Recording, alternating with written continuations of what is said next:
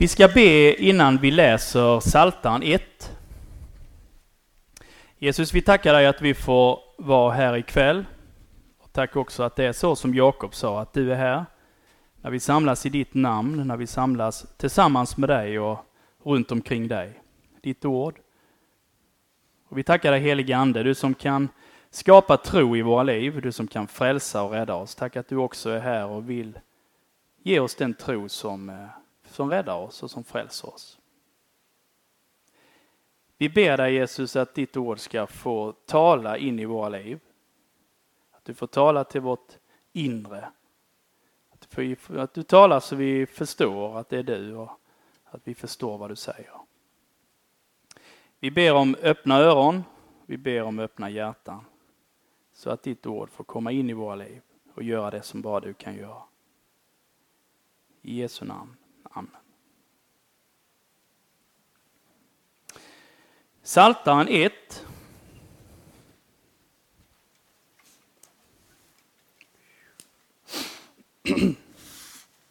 Står så här.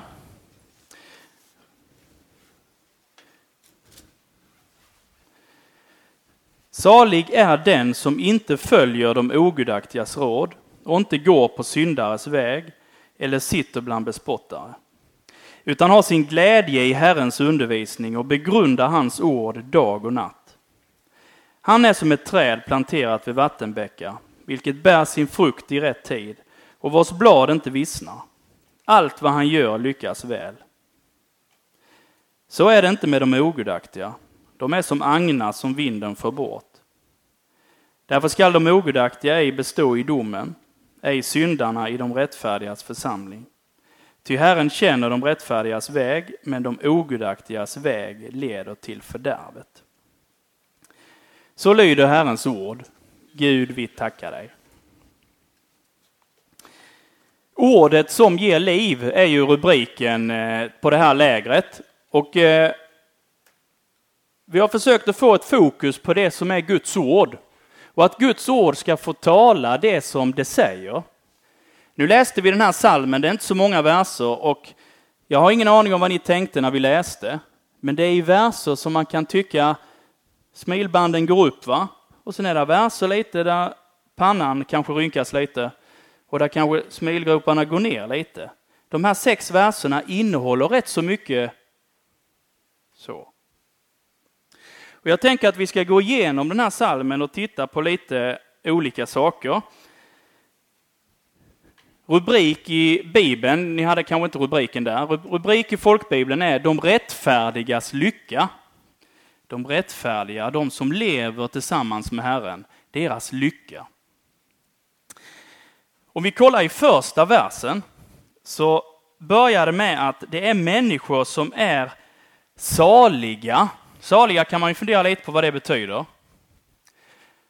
Det kan man förklara på många olika sätt. Jag väljer att förklara det så att salig är den som lever i relationen med Herren. Som lever i Guds gemenskapen, gemenskapen med Gud.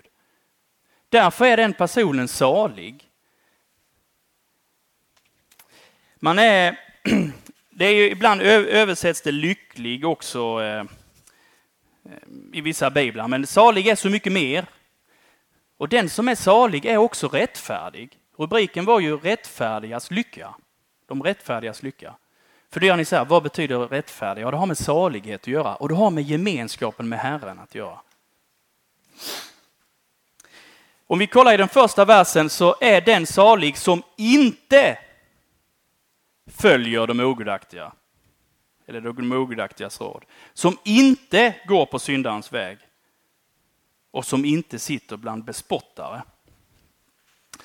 De ogudaktigas råd handlar om att följa och då tänker jag mig så här att om det hade varit en helt, eh, om ni är det här gänget då och jag är den som, eh, och ni är på väg bortåt här nu allihopa och så följer jag er lite så här. Jag följer va. Lite sådär vid sidan om så. Man är liksom, inte helt i, men man är lite ändå i rörelse i samma som er. Va? Sen nästa ord han väljer att använda är att gå. Att då gå på syndarens väg, då är man en del i den stora gruppen som går. Då är man inte så där lite på avstånd längre, utan då är man gåendes med alla de andra.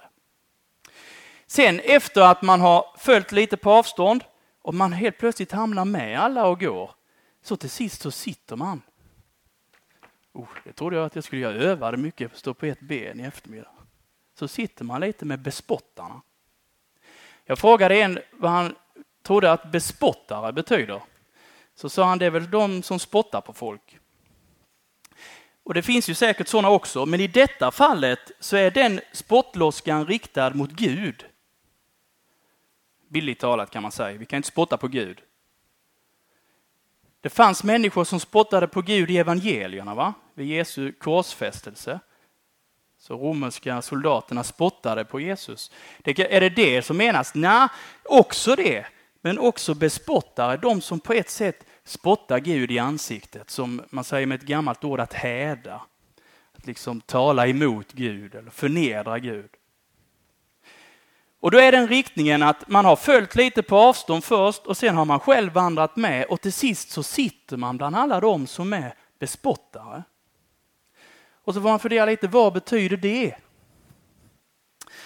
Och då säger Jakob, inte Andersson, utan Jakob något annat efternamn i Nya Testamentet i sitt brev så här. Det handlar om synden. Var och en som frestas, frestas har alltid att göra med en rörelse bort från Gud. Va? Om nu Gud är där så frestas jag i den riktningen. Va? Jag frestas att gå bort från Gud. Var och en som frestas dras och lockas av sitt inre begär. Alltså det finns något här inne i oss som lockas av det som är bort från Gud. Och när då det här begäret, skriver han, har blivit havande, alltså havande är ju en del kvinnor vissa perioder, man är gravid. va.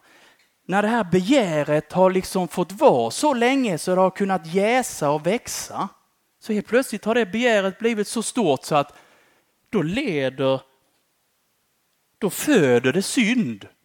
Om vi tänker oss nu. Då föder det på det sättet att då går jag också bort dit och så gör jag det som begäret hade tänt och som hade fått ligga liksom eh, oemotsagt. Va? Det, det fick vara kvar och det växte sig större och det jäste och mogna och till sist så gör jag synden. Det kanske börjar med en enkel tanke, men när den tanken inte bekämpas med Guds hjälp så ligger den kvar och så växer den till och så blir den större och till sist så blir den tanken handling. Finns det något exempel i Bibeln på det? Ja, det finns det ju. Israels folks största kung genom tiderna, David. Sen kväll och det är mörkt, kanske. Jag har ingen aning om det var mörkt eller ljust, men vi säger att det var sådär lite skymning. Och så står han på taket på sitt slott och så tittar han ner, så kanske bland fackelskenet där så stiger en mycket vacker kvinna ner i badet. Det var kanske väldigt opraktiskt att bada i mantel och så, här, så därför badar man utan mantel. Och så ser han henne där. Och så kanske han tänker, oh, snygg tjej. Men så kanske han står kvar lite. Och helt plötsligt får den tanken ligga kvar, va? oemotsagd. Man bekämpar inte den, den får vara kvar. Ögonen ser. Man får aptit. Det föds ett begär. Ja, men kvinnor gillar jag ju. Och så säger han till sina tjänare att eh, ta hem henne till mig va, ikväll. Och så ligger han med någon annans fru och inte sin egen. Och sen blir det rörigt efter det, va? så får han döda hennes man med för att försöka dölja det här. Men en tanke, en blick, va? Föder, ser man, och så föds en tanke och så föds ett begär och så leder det till handling. Det salmen här varnar för, det är att inte följa, ja men jag är inte riktigt med dem, jag går lite här vid sidan. Va? Men akta dig så att inte den här avsidesföljningen på något sätt gör att du till sist går med. Går med i positivt för oss som är äldre, men det, det gäller inte så. Att man går med i syndens, va? syndarens väg, de ogudaktigas råd. Och till sist så sitter man bland bespottare. Den person är salig som inte gör det. Men hur är den saliga personen då? Jo, då säger han i vers 2. Va? Det här med synden, det är liksom en inte salig person. Och så kommer då den saliga personen. Han har sin glädje i Herrens undervisning. Han har sin glädje i Guds ord. Hur ofta tackar ni Herren för hans ord? Många av er har säkert en bibel. Kanske mer än en. Men att tacka Herren, när du öppnar din bibel, tack gode Gud att jag får läsa ditt ord. Att jag får ha ditt ord. Nu lever ni i en tid när det sprids väldigt mycket biblar. Jag levde på en tid då det spreds väldigt mycket biblar, men det fanns inte så många biblar. Där människor liksom kunde ge sin högra arm för en bibel. Östeuropa bland annat. Ett enormt sug efter Guds ord och en enorm tacksamhet över Guds ord. Den som är salig har sin glädje i Herrens undervisning och begrundar hans ord dag och natt. Och då kommer en mycket personlig fråga. Hur många har begrundat Guds ord dag och natt? Ingen, säger jag. Det skrev jag här. Ingen har gjort det. Det kan man ju inte göra kanske man tänker. Ja och nej. Det är inte så att man aldrig sover. Men att Guds ord får vara en sån, ha en sån plats i mitt liv att jag ständigt går och begrundar, det vill säga mumlar och memorerar och tänker. Att Guds ord får vara en levande ingrediens i mitt liv. Jag läser Guds ord därför att jag har min glädje i det. Och det fastnar någonting, något kommer jag ihåg, något glömmer jag, något förstår jag för första gången. Och när jag då vandrar fram, som livet beskrivs ofta som en vandring i Bibeln, ja då dyker det upp ibland något ord från Herren. När jag möter Daniel Engelbrekt, som jag inte gillar. Så dyker Guds ord upp, du ska älska din nästa som dig själv. Va? Det är så Gud formar våra liv. Den helige Ande kommer att plocka upp ord som vi har läst och lyssnat in i våra liv. Och så får han styra vår väg. va? Styra och leda oss på sina vägar. Och när han styr och leder oss så formar han våra liv mer och mer efter sin sons bild. Mer och mer efter Jesus Kristus.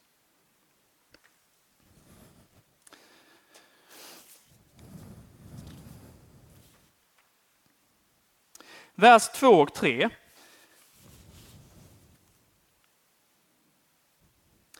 När det handlar om att begrunda Guds ord, att liksom, jag sa mumla, det är en, en möjlig översättning med, man kan gå och mumla Guds ord. Har ni mött någon som mumlar någon gång? Ibland är han ju inte kontaktbar, han går och mumlar. Man kan tycka att de är inte som andra sådär, va? men när man mumlar och memorerar, man kan gå och nynna på en låt. Ja, man kommer ihåg någonting, man lär in. Va? Det präglar liksom livet så. Att ha sin glädje i Herrens undervisning och att begrunda och mumla hans, dag, hans ord dag och natt. Så vill jag bara läsa några verser från Hebreerbrevet där det står så här. Det handlar om människor som vandrade i öknen i 40 år, Israels folk. Vissa av dem fick inte komma in i det landet som Gud skulle ge dem, Kanans land. Varför kom de inte in? Jo, då säger Hebreerbrevsfattaren så här. Men för dem blev ordet som de hörde inte till någon nytta. Alltså de hörde Guds ord, men det blev inte till någon nytta. Varför inte det? Eftersom det inte genom tron hade smält samman med dem som hörde det. Det de hade hört, det hade inte tagits emot i tro. Tro kan väl också beskrivas som en öppenhet. va? Tror du på Guds ord? Ja, jag släpper in Guds ord och vill leva efter det. va? De hade lyssnat, men de hade inte trott. Och därför hade inte Guds ord kunnat komma in i livet och smälta samman med livet. Alltså tanke, hjärta och handling. Därför blev ordet som de hörde, det blev inte till någon nytta alls. Och därför fick de inte komma in i vilan. Jag var på barndop eh, för att ta med att Guds ord ska smälta samman med våra liv. Jag var på barndop för ett tag sedan och då säger prästen så här, innan han ska döpa eller om det är eh, efter kanske då, så säger han så här att en kristen är som en ättiksgurka. Och det var ju smickrande, tänkte vi då. Men så menar han så här, ja, dopet är ju ett bad till ny födelse. Alltså det föds någonting nytt i dopet. Och det är inte bara liksom att man blir lite blöt och sen torrar man upp. Nej, ett dop ska man ju leva i ett helt liv. Va? Dopets, det som vi får i dopet, gemenskapen med Gud, syndernas förlåtelse. Placeras in i Guds församling, i Guds familj. Det ska genomsyra oss så totalt så att vi blir en ättiksgurka. Om ni tänker er en färsk gurka och en ättiksgurka. En del äter ju färsk gurka. Det oh, är jättegott. En del plockar undan all form av inlagd gurka. Det är rätt stor skillnad. Ättiksgurkan har genomsyrat så av det som det ligger i. Jag tycker det är fantastiskt med ättiksgurka vill jag bara säga. Det skrev jag inte, det tog jag spontant. En kristen ska smälta samman med det som vi hör av Guds ord. Och då är tron porten in i livet. Tack gode Gud för ditt ord. Och jag vill vara öppen och ta emot det, tänka på det och leva i det och efter det. Den saliga personen då är som ett träd planterat vid vattenbäckar, vilket bär sin frukt i rätt tid och vars blad inte vissnar. Allt vad han gör lyckas väl. Den rättfärdiges, den salige personens löv vissnar inte. I sommar är det rätt många träd, lövträd som har vissnat. Vet ni vad det beror på? Det har med vatten att göra. Ja, just det. Så svårt var det. När man kör genom Blekinge, E22, så är det mycket klippor på sidan. I sommar är det rätt så mycket gula björkar. Inte så många löv kvar. Därför att det är liksom inget jordlager. Det är bara lite jord och det är snustorrt. En kristen har sina rötter ner i vatten. Jesus pratar om livets vatten som släcker törsten. En kristen är förankrad i Guds vatten. Det kan också vara en bild för ordet. Ordet som också är lika med Jesus kan man också säga om man läser Johannes första kapitel. En kristen är förankrad i där vattnet är. Va? Så att även om det är snustort så, så vissnar inte löven. Och sen bär man frukt i sin tid, va? i rätt tid.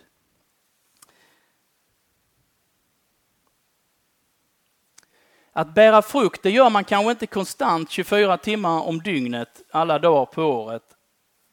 Om ni har fruktträd så letar ni inte kanske så mycket mogen frukt nu med en transparent blanche. Det är mycket tidig äppelsort. De andra får man vänta lite på. Men när vi förankrar det på rätt ställe så bär vi frukt, därför att det gör Gud med oss. Så bär vi frukt i den tid som Herren menar är rätt tid. Den andra sista meningen i den här versen blir då allt vad den rättfärdige gör, den salige gör, lyckas väl. Och då tänker man så här att kan en kristen aldrig gå ur sängen och slå tån i sänggaveln? Det kan man ju ändå tänka är ett misslyckande. Att börja dagen med en öm tå. Ibland gör det ju så fruktansvärt ont så man vet inte, och så är man själv kanske då också, men ändå har man behov av att säga någonting. Det gjorde jätteont, kan man säga allt vad han gör lyckas väl, vinner man alltid högsta vinsten när man tar en lott. Så tänker vi, det funkar va? Inte va? Men om vi läser det här i sitt sammanhang och ser att det handlar mycket om, om den ogudaktige och syndaren, det handlar om den salige och den rättfärdige och det handlar om att vandra. Så märker vi att det är också ett perspektiv. Det är också ett perspektiv i texten som sträcks bortom detta livet. En kristen kan säga allt har lyckats väl. Och då tänker jag ta några exempel. Jag var i, Eh, på Strandvallen i veckan och kollade på knattefotbollsturnering. Det är ganska kul. Och det är rätt så allvarligt, rätt så tidigt och allra minst finalerna märker man det. Det är inte så stor skillnad på beteendet på en 10-åring eller 11-åring mot vad man ser på Champions League till exempel. Deras inkast, slänger man bollen borta. Eller deras, lämnar man över rullar den vidare. Och så ligger de kvar och skriker så här, ah, jätteont, och sen får de, och så sticker de upp. Och så är det rätt så mycket laganda ju. Och någon gång så eh, när var det straffar och då grät halva laget innan de ens hade slått. För det var väl så mycket nerver i det antagligen. Men också glädjen över att vinna. Och det häftiga är att man kan vara jätteglad över att man har vunnit när tårarna rinner eller man haltar eller man har blåmärke eller det blöder eller vad det är. Va? Man kan ju spela två gånger 15 var det väl de spelade och var helt blåslagen. Frågar man sen hur gick det? Jo, vi vann! Man är glad ändå, va? även om man har blåklocka och, och lite sånt. Det gjorde, men gjorde det ont? Gjorde det fruktansvärt ont. Frågar man då till exempel om det är några äldre som spelar, om vi tänker oss 75-åringar spelar cup på Strandvallen, och så frågar man dem, hur gick det? Allt lyckades väl, vi vann. Det är precis samma ord som här. va? Matchen kan se olika ut, men om man vinner så är det ju något helt fantastiskt. I Uppenbarelseboken så handlar det om himlen och då så står det så här. Uppenbarelseboken 21 och 4. Och han, alltså Gud, ska torka alla tårar från deras ögon. Döden ska inte finnas mer och ingen sorg och ingen gråt och ingen plåga, ty det som förr var är borta. Den som får med på den stora bröllopsfesten, som det beskrivs ibland i himlen, va? där ska Gud torka bort tårarna från ansiktet. Gud själv ska torka bort. Och då kan vi säga, vi, vi vann. Hur ont det än gjorde här. Va? Vad vi än gör så lyckas det väl. David säger det, han är inte bara med Batseba, han skriver psalmer också. Va? Godhet och nåd ska följa mig i alla mina livsdagar och jag ska åter få bo i Herrens hus evinnerligen. Det är liksom vittnesbördet från en kristen. Godhet och nåd, det är det som har följt mig i livet. Så kommer jag till himlen, kanske med tårar. Gud torkar bort det. Men vi vann. Allt lyckades väl.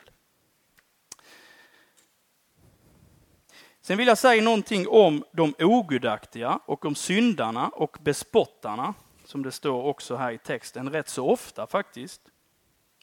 De ogudaktiga, de syndarna eller bespottarna, de som inte lever med Herren, de som inte lever i Guds gemenskap. De är som agnar för vinden. De kommer inte att bestå i domen. De har inte en plats i Guds familj, alltså i de rättfärdigas församling.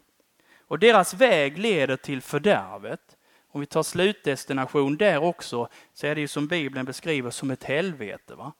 En tillvaro utan Gud. Där allt gott är borta och där bara ont finns. Agnar för vinden, säger han här så är det inte med de ogudaktiga, de är som agnar som vinden för bort. Det är, för det är ofta så när man läser Bibeln att om man tänker, vadå agnar? Var, varför väljer de agnar här? Så får man tänka, liksom, står det om agnar någon annanstans i Bibeln?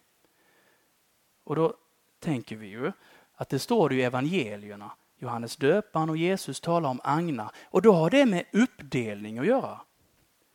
Att dela upp det som är ogudaktigt och det som är rättfärdigt. Eller det som är ogräs och vete. Agnarna, vad gör man med dem? Man slänger upp kornen, sädeskornen i luften. Är det moget så flyger agnarna bort när vinden kommer. Men den tunga vetekornet faller ner. Och så samlar man vetekornet i ladan i himlen. va? Men agnarna som driver bort, ja det får man samla ihop och så får man slänga det på elden. För det är ju inget man använder. Det är den bilden som har med agnar att göra. Det handlar om dom och det handlar om uppdelning. Och det säger psalmisten här också att man består inte i domen. När Jesus kommer tillbaks för att döma så klarar man inte av den domen och man står där utan Jesus. Vad är det Gud inte vill? Gud vill inte att någon ska stå där själv i domen. Vad är det Gud vill? Jo, Gud vill stå där tillsammans med oss var och en i den domen. Jesus är både domaren men också min vän, min frälsare. Han som förlåter mig mina synder. Han som tar ansvar för mitt liv. Genom dopet och tron så har jag gemenskap med Herren. Jag är rättfärdig. Jag lever med honom. Så får man liksom slappna av i domen. Därför att det löser Jesus. Evangelium är det det handlar om. Evangelium betyder glatt budskap. Och då ser alla jätteglada ut alltid. För det är ju så fantastiskt glatt budskap. Så man blir jätteglad. Just det. Det är något helt fantastiskt. Det Gud har gjort för oss, för människan, för, människan, för mänskligheten, i Jesus Kristus. Ty så älskade Gud världen, oss, att han utgav sin enfödde son. För att var och en som tror på honom, ja det tar emot. Tro, öppnar sig, tar emot inte ska gå förlorad. Det är det vi har läst i salmen. va? Det finns en risk att gå förlorad, bort från Gud. Utan ha evigt liv. Inte bara Guds liv i detta livet utan också det eviga livet tillsammans med Gud i himlen. Där sammanfattar man Bibeln brukar man säga. De flesta av er kan nog den versen. Det är en fantastisk vers. Så har vi hört det kanske en hel del och så tänker vi den kan vi Vi får läsa någon annan vers med. Då kan man läsa vers 17 för det handlar också om dom och frälsning. Förlorad eller evigt liv, det är det det handlar om. Evangelium är ett fantastiskt budskap därför att situationen är kolsvart för människan utan Gud. Man är totalrökt utan Jesus. Det är faktiskt så illa. Det är det som ordet från Gud vill tala till oss. Men så vill det också tala om att vi har ett fantastiskt evangelium. Gud själv blev en av oss för att frälsa och rädda oss. Och han sparar inte på krutet, för han utgav sin enfödde son. Han dog i vårt ställe. Och så är evangelium en kallelse från Gud till oss. Var är du någonstans? Kom till mig och ta emot frälsning och liv.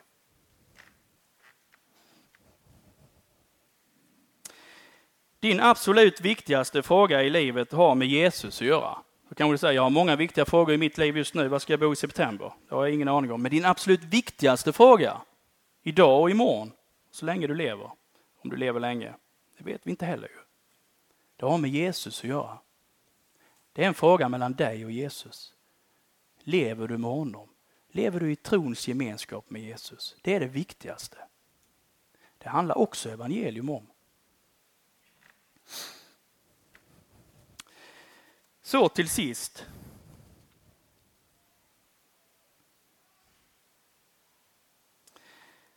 Sista versen. Herren känner de rättfärdigas väg. Herren känner de rättfärdigas väg, men de ogudaktigas väg leder till fördärvet. Det har vi redan nämnt tillräckligt. Men Herren känner de rättfärdigas väg. I Moseboken andra står det så här, kapitel 3. Det är Israels folk som är slavar i Egypten och så säger Gud så här. Jag har sett hur mitt folk förtrycks i Egypten. Jag har hört hur de ropar över sina plågare, det vill säga egyptierna, de var slavar där. Jag känner till deras lidande. Då kan man tycka, ja jag känner till deras lidande där i Egypten. Det är, usch, usch, vilka piskor, det gör ont. Genomsvettar är de, blåser på händerna. Det känner jag till. Nej, Gud har sett och han har hört och han känner till, då är han berörd i sitt innersta. Va? Det är inte så att han noterar. Nej, när, Gud, när det står att Gud känner i Bibeln, då är hela hans varelse involverad i det. Gud känner de rättfärdigas väg. Och vad säger han i Moseboken då? Jo, då säger han, därför har jag stigit ner för att rädda dem undan slaveriet. Va? Han har sett, han har hört, han känner och därför stiger han ner och räddar sitt folk från Egypten. När Gud känner de rättfärdigas väg så är han den som går med. Jag är den gode herden som leder på rätta vägar. Jag är med er alla dagar in till tidens ände. Jag ska aldrig någonsin lämna er eller överge er. Han känner de rättfärdigas väg, de som lever tillsammans med Herren. Vi går aldrig ensamma. Jag var i Mjällby, där säger man du går aldrig säl.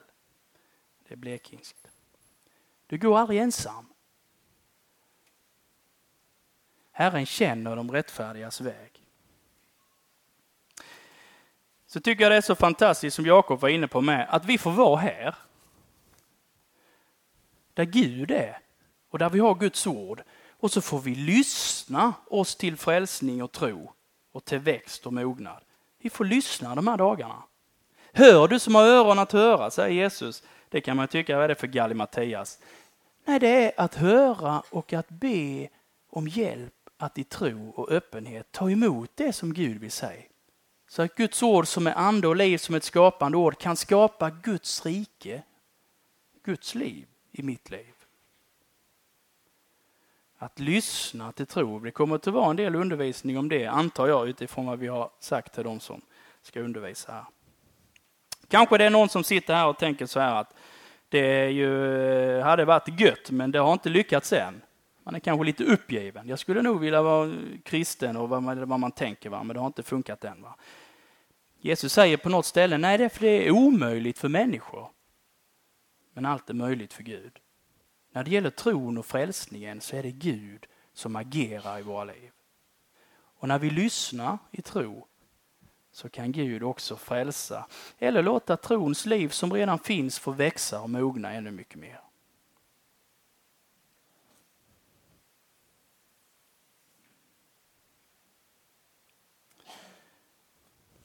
Vi ber en bön. Jesus, vi tackar dig för ditt ord. Och vi ber om hjälp att ännu mer eh, värdera det högre och högre. Att det får bli ännu mer viktigt i våra liv. Att vi får gå och begrundade och mumlade. Att vi får en hunger och törst och en längtan efter ditt ord. Jesus, vi ber om att du ska göra det i våra liv som du ser behöver göras. Kom helige Ande och hjälp oss att tro och förstå och inse vad som är viktigast i livet. Och vi ber om att ännu tydligare få se dig Jesus de här dagarna. Att ännu tydligare få se dig som, som Gud och som Herre och som frälsare och som herde. Vi ber Jesus att din vilja ska ske här de här dagarna och att ditt rike får komma ännu mycket mer i oss och mitt ibland oss och ut i hela världen. I Jesu namn. Amen.